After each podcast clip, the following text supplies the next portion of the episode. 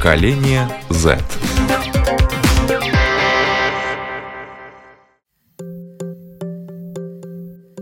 Здравствуйте всем, у микрофона Марина Талапина, видеорежиссер программы Даниэль Йоффе, за операторским пультом Ренис Будзе. И в эфире программа «Поколение Z». Сегодня мы поговорим о том, что привычки – вторая натура. Но, тем не менее, молодые люди имеют свои привычки и есть те, от которых они хотят избавиться. И сегодня об этом мы будем говорить. Я рада представить у нас в гостях Лаура Фелдмана. Здравствуйте. Антон Нужный. Здравствуйте. Анна Смыкова. Здравствуйте. И Виктор Бугаев. Всем привет. А поможет провести мне эту программу Анна Кизе, а также Марина Талапина. Задаем вопросы ребятам. Какие у вас есть хорошие привычки, которые вас радуют, которыми вы гордитесь? Прям так сразу? Прям так сразу. Хорошие. Наверное, очень ответственная и пунктуальная. Вот это меня радует, потому что я терпеть не могу непунктуальных людей и не люблю, когда сама опаздываю. Антон. Да, э, насчет хороших привычек, которые я ценю в других людях и стараюсь сам себе развивать, это привычка примерять на себе чужую шкуру. Такой антиэгоизм некий. Когда ты думаешь не только о том, вот как мне в этот момент быть комфортнее себя чувствовать, а как вот другие себя почувствуют, если я себе что-то позволю или не позволю. Это даже такая мудрость.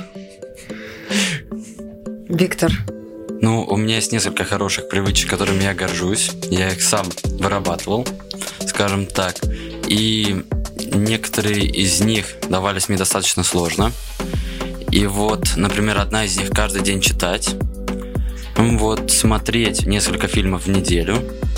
Вот. И также все время читать какие-то новости, узнавать, что происходит точно так же каждый день. И э, ты сказал, что какие-то привычки тебе давались э, нелегко. Как- какая, как- какая привычка? Сложнее всего было с чтением, потому что как бы прочитать что-нибудь хочется, найти книгу какую-нибудь, но либо на это нет времени, либо думаешь, ну, займусь чем-нибудь другим, и время проходит, и никогда руки не доходят до дела. Ты знаешь, очень многие говорят, то, что успешные люди, они все время читают. Вот как ты развивал эту привычку? Я составил дневник, и каждый день я записывал, что я прочитал, сколько страниц, и просто отмечал крестиком и видел свой прогресс, как далеко он зашел. И всегда перед собой я ставил такое предложение, как «Я читаю для того», вот ставил свою цель, какую, и если я это не буду делать, то я этого не достигну. И так абсолютно с каждой привычкой, это меня мотивировало. И э, то, что касается литературы, которую ты читаешь. абсолютно, ну вот, разностороннюю.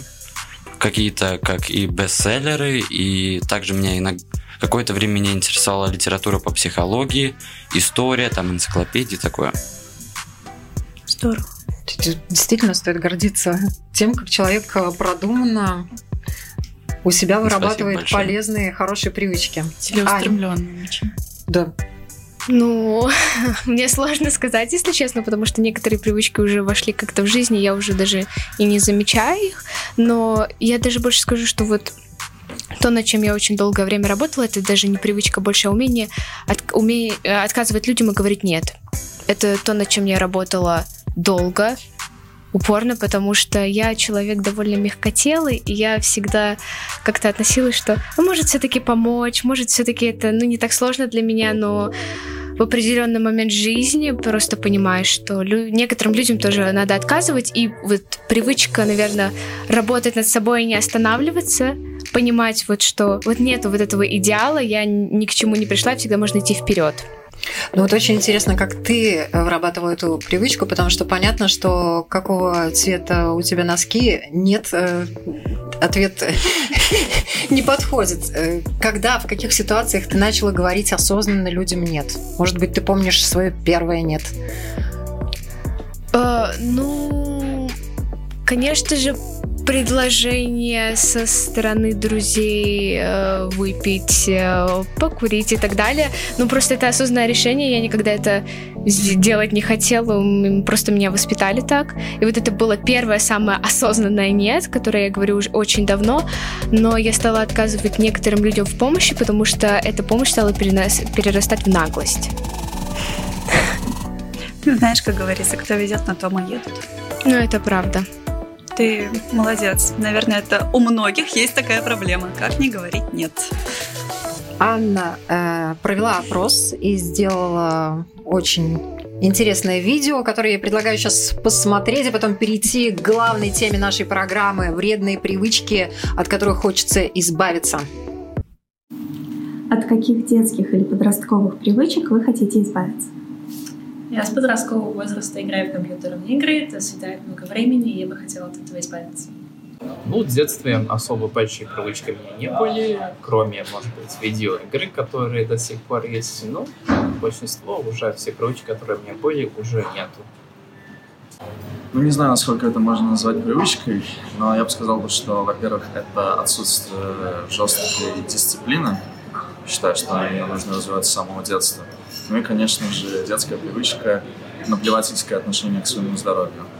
Именно когда ты вырастаешь, ты понимаешь, что оно у тебя одно, и ему нужно уделять достойное внимание. От каких детских или подростковых привычек вы хотите избавиться? Я думаю, это первая лень. А, я бы, наверное, больше успевала все, если бы меньше ленилась. Второе, может быть, немного а, убрала обидчивость и немножко гордости убрала. И тогда нас все прекрасно. В первую очередь я бы хотела избавиться от привычки лениться. Еще я бы хотела перестать есть много сладкого и фастфуда и от привычки разбрасывать вещи по комнате. От каких детских или подростковых привычек вы хотите избавиться? Я хочу кушать меньше сладкого. Я хочу перестать картавить, потому что делаю это с детства, как привычка уже. А я хочу перестать играть в игры. В детстве, когда я приходила домой, например, после садика или после школы, мама меня даже заставляла немножечко отдохнуть перед тем, как делать уроки или что-то такое. И после этого это переросло в такую привычку отдыхать больше, больше, больше и больше, и это переросло в лень. Наверное, это моя а, вот такая привычка. Насчет меня, я, наверное, вредная привычка, что я поздно ложусь спать. Это мне мешает, потому что я очень рано встаю на работу в 5 утра. Я с этим борюсь, но это мне сложно дается.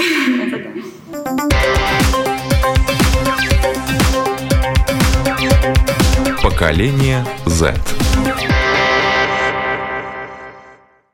Я напоминаю, сегодня мы э, в поколении Z в программе э, разговариваем о привычках, э, от которых хочется избавиться, которые мешают. И вот Таня сделала вопрос. У меня к тебе вопрос. Прям стихоплет. Легко было людей разговорить на тему привычек, от которых хочется избавиться? На самом деле нет. Очень многие не хотят говорить насчет своих привычек. Возможно, они их стесняются. Ну, их понять можно. И многие не хотят заниматься. Вот, так что большое спасибо, ребята, что вы пришли. И вы же пришли поговорить об этом.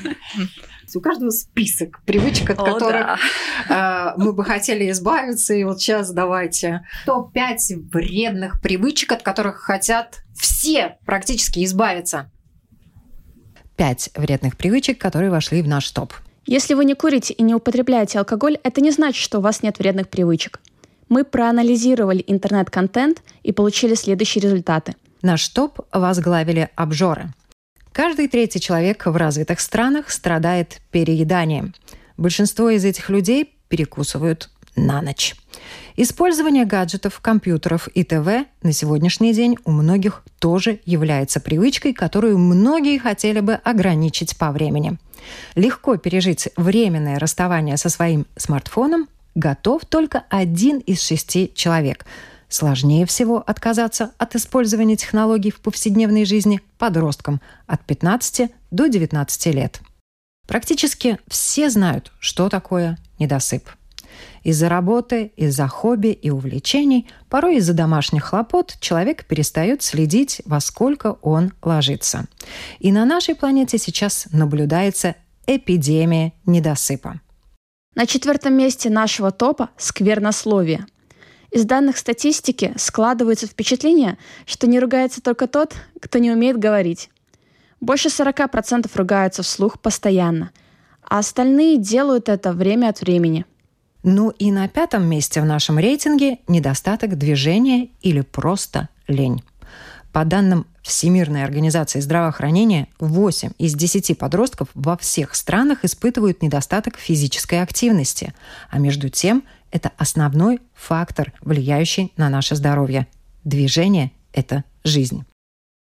Ну а теперь пять привычек, которые есть у большинства успешных людей. По исследованию, в котором участвовало более 200 миллионеров, самой популярной привычкой оказался спорт. Трое из четверых опрошенных занимаются спортом ежедневно, как минимум 30 минут. По данным сайта для отслеживания привычек CoachMe, Второй по популярности привычкой является желание пить больше воды. На третьем месте медитация. Как оказалось, успешные люди ежедневно в течение 15-30 минут размышляют о своей карьере, здоровье и личных отношениях, что помогает им расслабиться, а затем сосредоточиться на работе. На четвертом месте – чтение. Практически все опрошенные миллионеры читают каждый день литературу для саморазвития или обучения. И завершает наш топ полезных привычек раннее пробуждение. Люди, которые самостоятельно заработали миллионы, спят 7-8 часов. И половина из них встают как минимум за 3 часа до начала рабочего дня. Как сказал Стив Джобс, моя модель бизнеса – группа The Beatles – Четверо парней, каждый из которых держал под контролем дурные наклонности другого.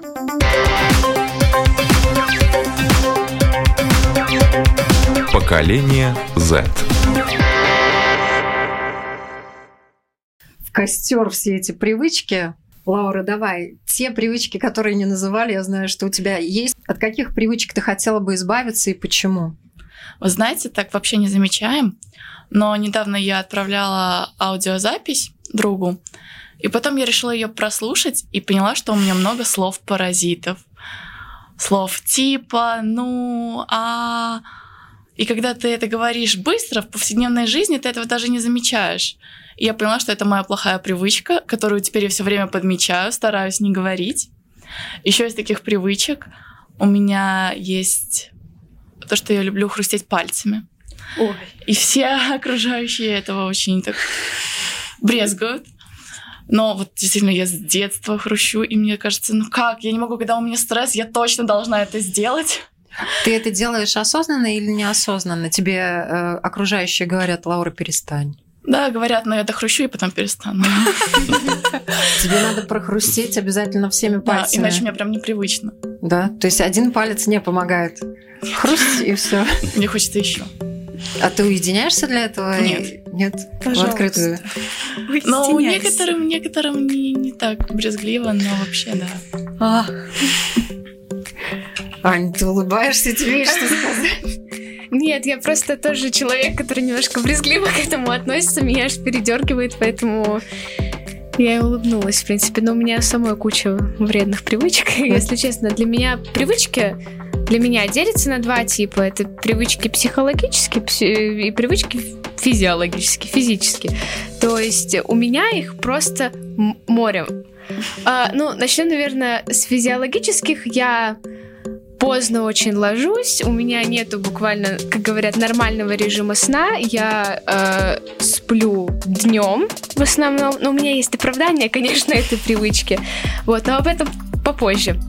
Вот, э, у меня нету э, режима приема пищи. То есть я могу не есть вообще, поесть 8 раз в день, есть ночью, я пью очень мало воды. Э, Если честно, я так даже и не вспомню все. А вот. ты по поводу вот этих своих проблем, особенно то, что касается питания, обращался, например, к специалисту по питанию, который Не- тебе говорил, что у тебя баланс воды нарушен, что ты питаешься неправильно, Нет, или я наоборот можешь питаться так, как ты питаешься? Если честно, я как-то вот сама, вот мне очень везло в жизни, я как-то сама в один момент э, осознавала это и пыталась как-то над этим работать. Я хочу сказать, то, что до новогодних праздников э, у меня все было прекрасно. И с питанием, э, и с э, сном. Просто очень хорошо отпраздновала Новый год. Вот. э, ну, И после этого пошло-поехало? да, снова. У меня были полгода назад очень большие проблемы со сном и с питанием. И, если честно, это очень сильно отразилось на здоровье, в принципе, что ты чаще, если ты спишь днем, ты быстрее устаешь, ты тебе и есть не хочется, в принципе, из-за того, что у тебя нарушен режим сна. А, ну и просто проблемы со здоровьем начинаются очень сильные. То есть это головные боли, боли в спине, ну и дальше То, что касается букет. желудка и так Да. далее, кишечника, тоже проблемы начинались? А, еще много лет назад, когда у меня тоже был нарушен си- э, сильно очень режим сна, у меня были проблемы э, с пищеварительной системой. Вот. Я надеюсь, что я как-то работаю сейчас над этим, и вроде становится лучше. Какие еще привычки, такие более, как ты сама выразилась, ты их разделила? Да, э, пси- психически. Вот э, у меня жуткая привычка прокрастинировать, откладывать все на потом. Это жутчайшая привычка, с которой я борюсь, наверное, лет... Ну, как пошла в школу, в принципе, так и борюсь. Но ты школу, но потом не отложила. Ну, как сказать, сейчас получается откладывать. Если так смотреть, я учусь на дому, и я сама контролирую свой э, график посещения, так сказать, школьного сайта и так далее. И да, у меня иногда бывает такое, как бы, с одной стороны, это возможность, то есть один день ты можешь не учиться, потому что там ты занят, второй, э, другие дни ты учишься. Но на самом деле, когда ты не контролируешь это, у тебя просто сбивается режим всего, то есть у тебя нету распорядка дня, учеба прощай, по-другому это не назовешь. Ну, на второй год э, ты еще не оставалась? Нет, ни разу. Ну, я даже есть- больше скажу, я экстерном сдавала как-то. Ну, то есть получается, что ты и Мне просто очень откладываешь, везет, да. и экстерном сдаешь. У меня есть замечательные родители, которые вовремя дают пинок под зад. Всем таких родителей желаю, правда. Но при этом дедлайны какие-то есть? Конечно, есть, да. В прошлом году я еле вписалась, и вот эта привычка прокрастинировать очень сильно отразилась, потому что ты все оставляешь, ты понимаешь, что тебе надо за сутки сдать около 20 заданий, и ты э, сидишь, не знаешь, что делать, и ты делаешь, и тебе это вводит стресс, ты не спишь из-за того, что ты не спишь, тебе не хочется есть, и потом ты после этого дедлайна восстанавливаешься недели две.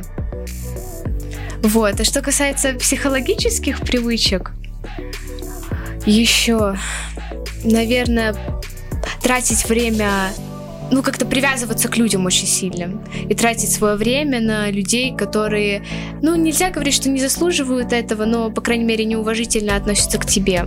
Мне кажется, это есть у многих, просто не все это осознают и понимают. Просто иногда в жизни ты приходишь к определенной точке, что вот, да, так на самом деле есть. Я пришла к ней относительно недавно, пару месяцев назад. Сейчас тоже работаю над этим. Вроде получается, но посмотрим. Должно пройти еще немного а что времени. для тебя является неуважением к тебе? О, ну-ка, сложно объяснить. ну, вот Просто три черты человека, и ты понимаешь, что он тебя не уважает, а ты ему внимание уделяешь. О.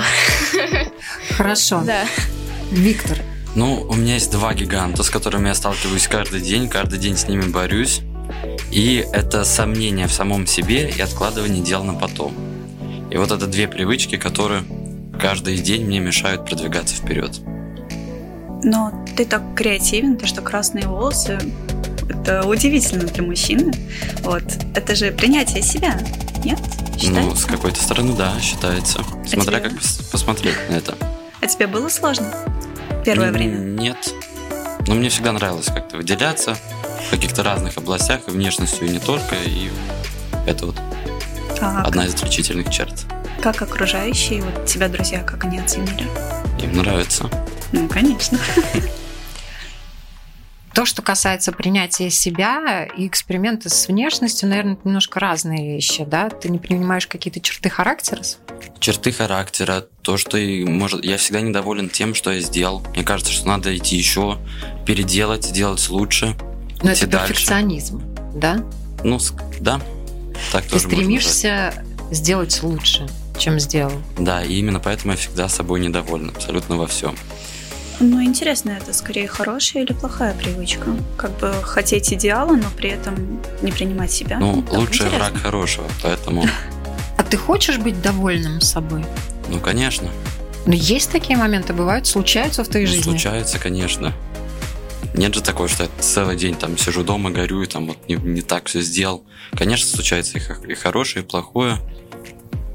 Хорошо, а был ли случай, когда вот ты вот именно этой привычкой гордился, что вот ты смог, ты сделал, ты это добил? Нет, наверное. Ну ладно. Я горжусь какими-то своими достижениями, но вот прям таким, что я это сделал сам, этим горжусь, нет. Потому что я думаю, всегда найдется тот, кто сделает это лучше. Не, ну конечно, но тем более ты всегда должен, должен становиться лучше, чем ты есть сам.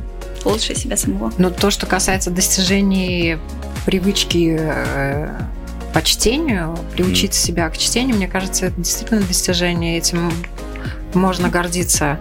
А, Еще твоя вторая привычка откладывания день, дел, дел. на потом. А, ты их откладываешь и делаешь, или ты их откладываешь и не делаешь? Откладываю, но делаю. Ну, и как ну. долго, когда твой дедлайн наступает? Ну, это длилось и от одного часа отложить там на потом, на вечер, так и на месяц, и на полгода даже бывало. И что заставляло в итоге тебя сделать? Например? Ну, когда в школе учился, учителя, оценки. Сейчас сам себя заставляю. Вот кажется, вот не сделал, но сам себя подвел.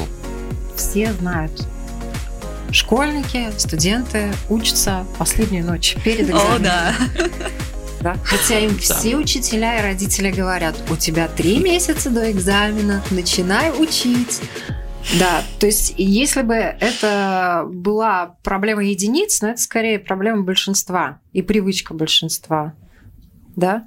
Эм, но э, то, что касается откладывания дел на потом, главное, что, наверное, в итоге вы все равно их делаете. А есть какой-то мотиватор? Ну, вот прям вот твой. Ну, как я уже говорил, я ставлю перед собой предложение. Я должен сделать вот это, чтобы добиться этого. Если я это не сделаю сегодня, сейчас, то этого никогда не произойдет. Ну, и конкретно. это мной движет. Угу. Антон, да? слово насчет, тебе. Ну, насчет моих привычек я бы насчет своего гиганта, с позволения, рассказал бы с небольшой такой историей. В общем, ну, это из фольклора. Устраивается она выставку своих орудий труда. Там и среди всех огромных его орудий труда, там и стали, железа, на самом высоком и светлом пьедестале была маленькая деревянная тяпочка. Его спросили, а что это? Астана отвечает, а это мой самый ценный инструмент, это лень, потому что он открывает путь всем остальным орудиям труда. И вот на самом деле все, что вот было звучало, вот все эти инструменты, они именно попадают именно вот из-за лени. И я в себе тоже эту лень нахожу, она довольно стихийная в плане, она может накинуться внезапно, так из-под тишка. И действительно в себе я тоже встречаю различные привычки схожего характера. И могу с уверенностью сказать, что оно из-за вот определенного кусочка лени во мне, который очень яростно пытаюсь из себя выдавить. Но есть лень, есть потребность в отдыхе. Да? Разумеется. Вот. И ты эти вещи для себя разделяешь? А, разделяю. Правда, есть такое одного деятеля высказывания. А, если ты устал, отдохни, но ты уже никогда не будешь первым. ну, на самом деле, действительно, человеку нужно отдыхать, но нужно понимать, когда можно отдыхать, а когда нужно немножко поработать. Хотя бы чуть-чуть. А когда ты разрешаешь себе лениться? В каких ситуациях? Когда действительно уже все нужно отдыхать. ну, не знаю. Ну, сложно ответить, всегда по-разному происходит. Бывает, что с утра стихийно набросится, и все, и помало тебя в цепкие лапы, и знаешь, что вот, нужно послезавтра дедлайн что-либо сделать, но ай, завтра приступлю, сегодня отдохну, там вчера был занят весь день, надо сегодня отдохнуть. Ну, стихийно это случается. Эти все привычки, вы их озвучили, а скажите, пожалуйста, чем они вам меш- мешают, почему вы хотели бы от них э, избавиться? У меня тоже есть, кстати, привычка откладывать на потом. И Она есть у всех. очень ярко отображается в моей жизни.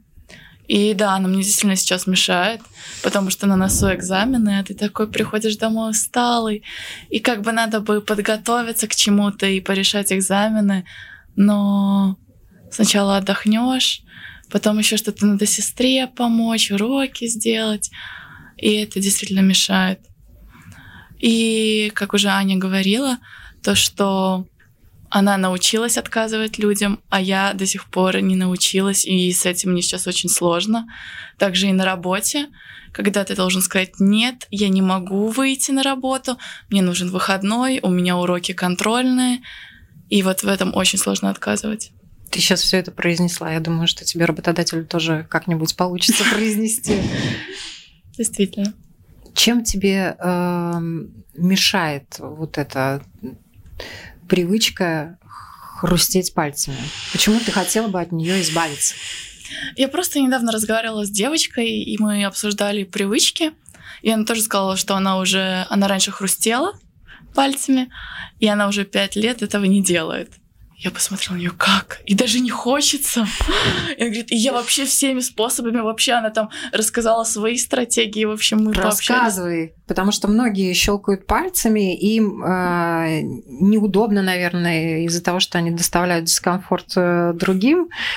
Она говорила, что она дергала резиночку на руке. И потом это стало ее привычкой. В любом случае привычки будут.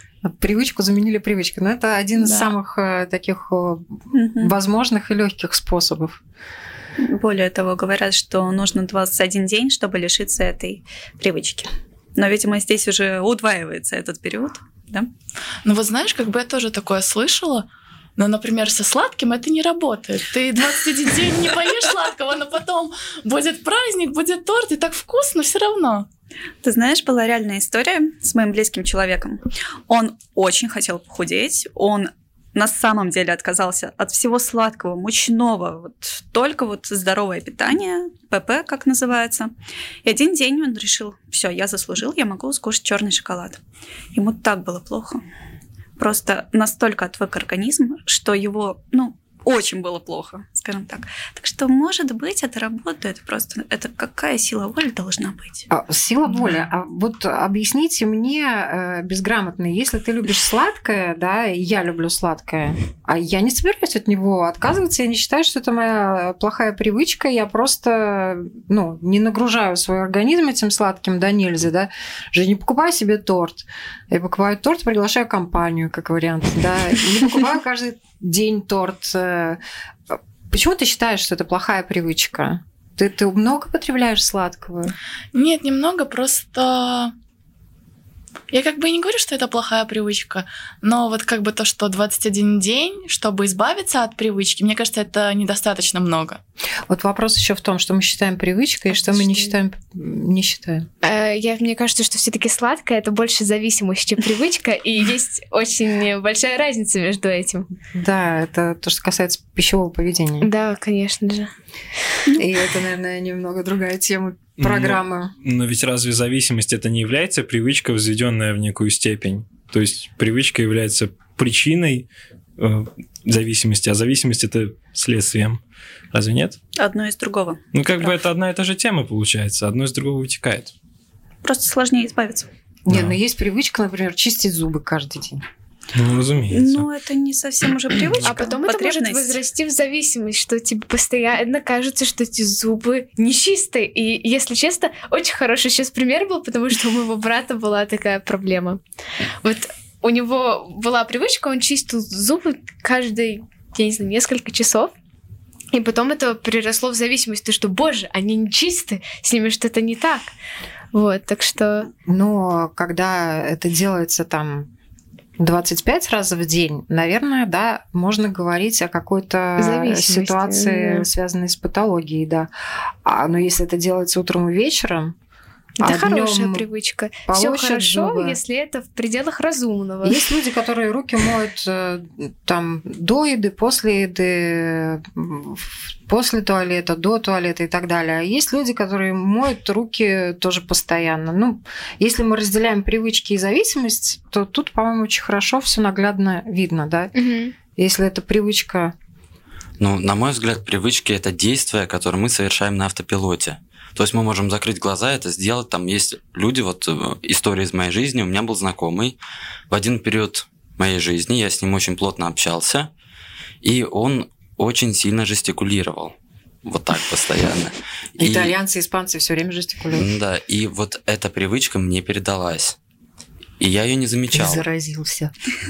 Вот. И я стал точно так же за ним повторять, жестикулировать. И мне люди, уже друзья, стали говорить, зачем ты так делаешь? Ты же так раньше не делал.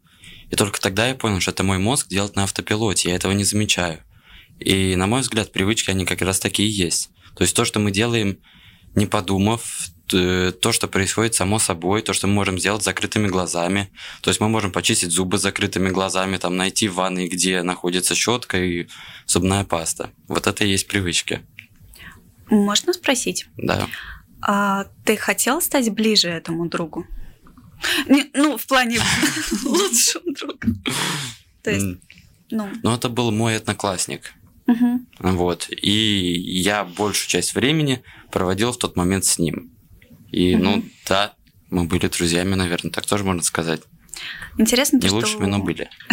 у Дейла Карнеги есть теория о том, что если ты хочешь стать ближе человеку, не только в плане отношений, это так сразу, то нужно пове- нужно повторять его поведение. То есть ту же жестикуляцию, тот же положение, как-то встать так же, как он. Как будто бы это на психологическом уровне, ну, делает его подобным себе. Как-то Не- так. Некоторые, я добавлю, делают это неосознанно даже. Да, да. На Это самом деле, мне подстройка. кажется, то, что э, мы много черт, каких-то привычек берем от людей, с которыми мы общаемся, потому что я тоже замечала за собой, когда я достаточно долгое время общаюсь с одноклассниками, с друзьями, и потом я замечаю их словечки в моей речи.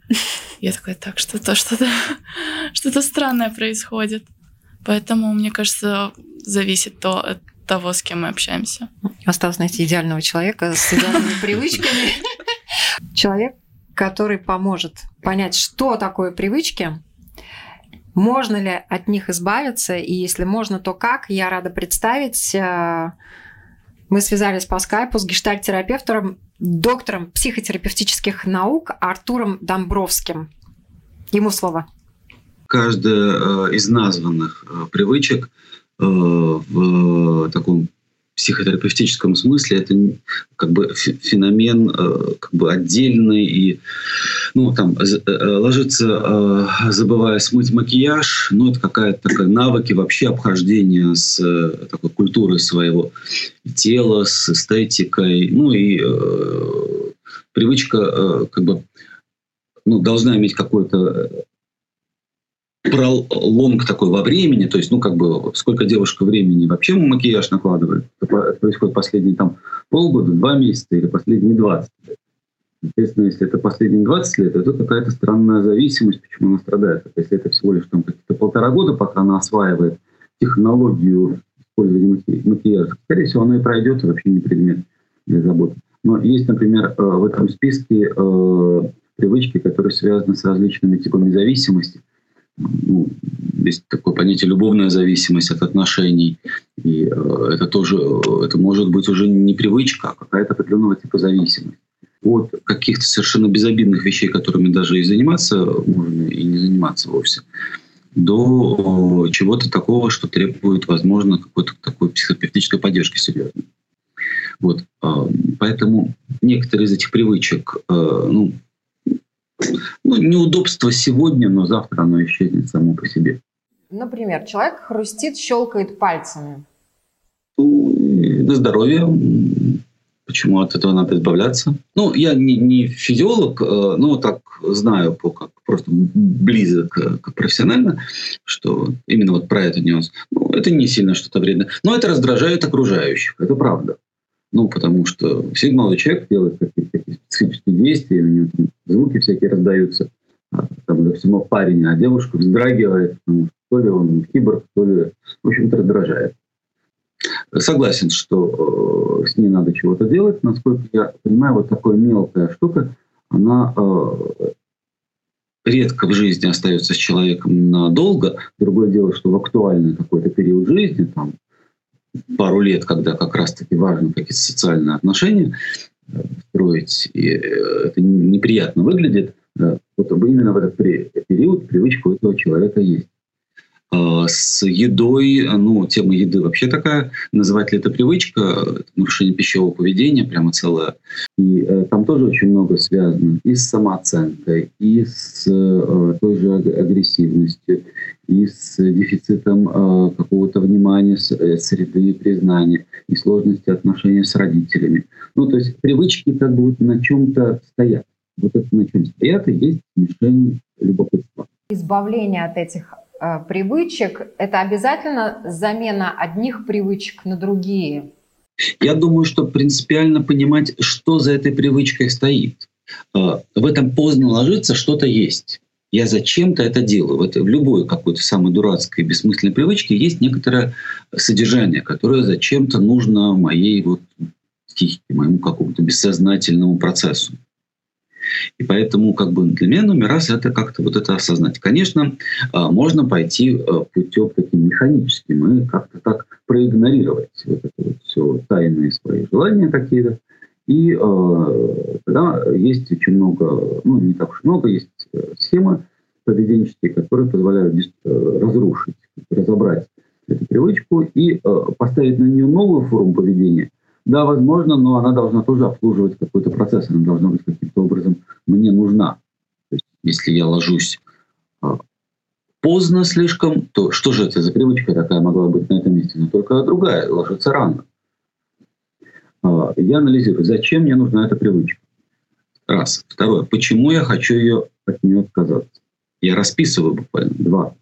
А, какую пользу я приобретаю от того, что я бросаю? Эту привычку. Это три. Четыре. Какие триггеры или как бы кнопочки запускают эту привычку? То есть есть какие-то пунктики. Ну, например, там я поздно ложусь, а, ну, потому что зависаю на сериале. Там. И у меня есть некоторая последовательность действий, как я пришел домой, включил телевизор, вот он сериал, все, привет, я сижу до часу ночи. Ну, соответственно, есть э, привычка ложиться поздно, но до привычки ложиться поздно. Есть триггер, который тоже как бы является привычкой. Нажимать кнопку телевизора или там, компьютера. И тогда я э, внимательно отношусь к этим триггерам и контролирую э, те запускаемые э, такие стартеры, которые, которые вот, активизируют вот это вот такое нежелательное поведение. Это раз. Два я описываю э, себя, создаю концепт себя, каким я хочу быть. По той же схеме, как и э, крити, вот этот критический анализ своей привычки. Зачем мне это надо? Э, что я с этого получаю? В смысле, вот то другая форма, которую я создаю. Триггеры, которые это будут запускать. То есть то желательное поведение, это хорошая, назовем это привычкой. А, потому что если ну, плохая привычка ложится поздно, то хорошая привычка ложится рано. То есть э, я как бы не то чтобы создаю новую привычку, хотя это буквально так, а я как бы формирую нового себя с другим э, набором действий. Ну вот как-то так.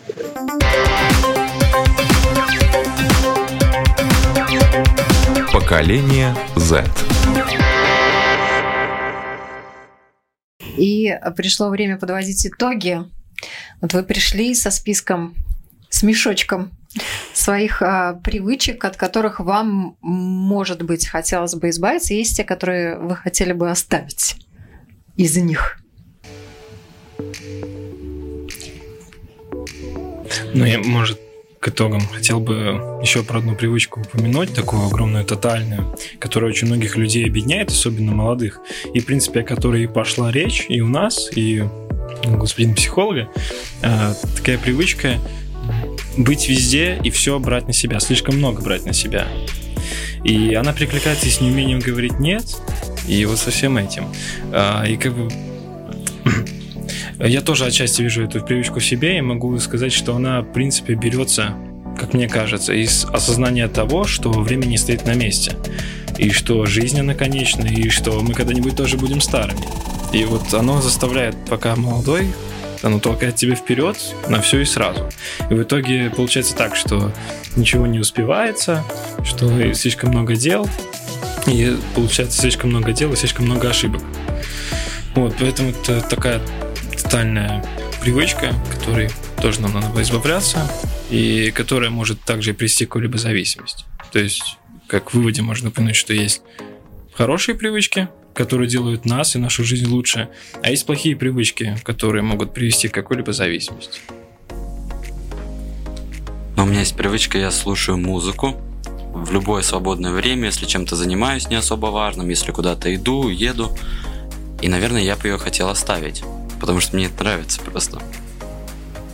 Ну вот те привычки, о которых ты говорил, э, ты готов, хотел бы исправить, исправить что-то, хотел бы от них избавиться, понял, как тебе с ними Ну, работать. Конечно. Я с этим и боролся, и буду продолжать бороться, и надеюсь, ну когда-нибудь случится, что я от них избавлюсь, или они станут хотя бы не такими заметными, и не так, не такое продолжительное время я буду откладывать свои дела. Спасибо. Наши привычки, пусть и вредные, они все равно делают нас собой.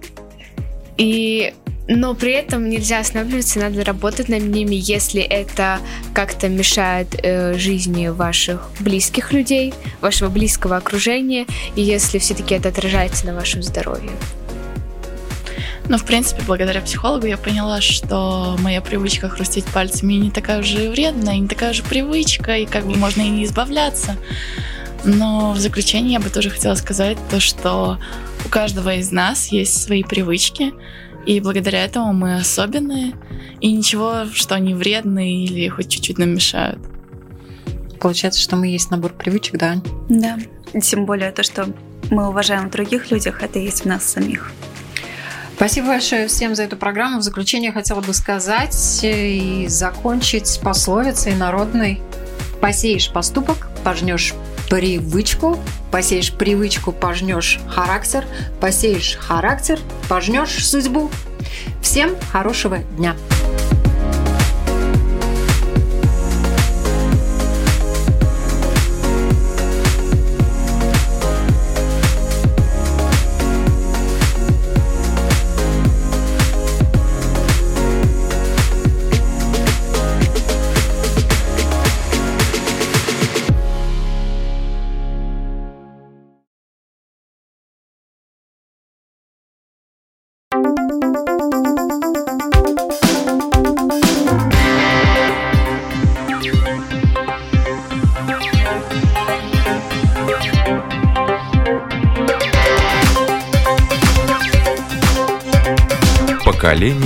Z.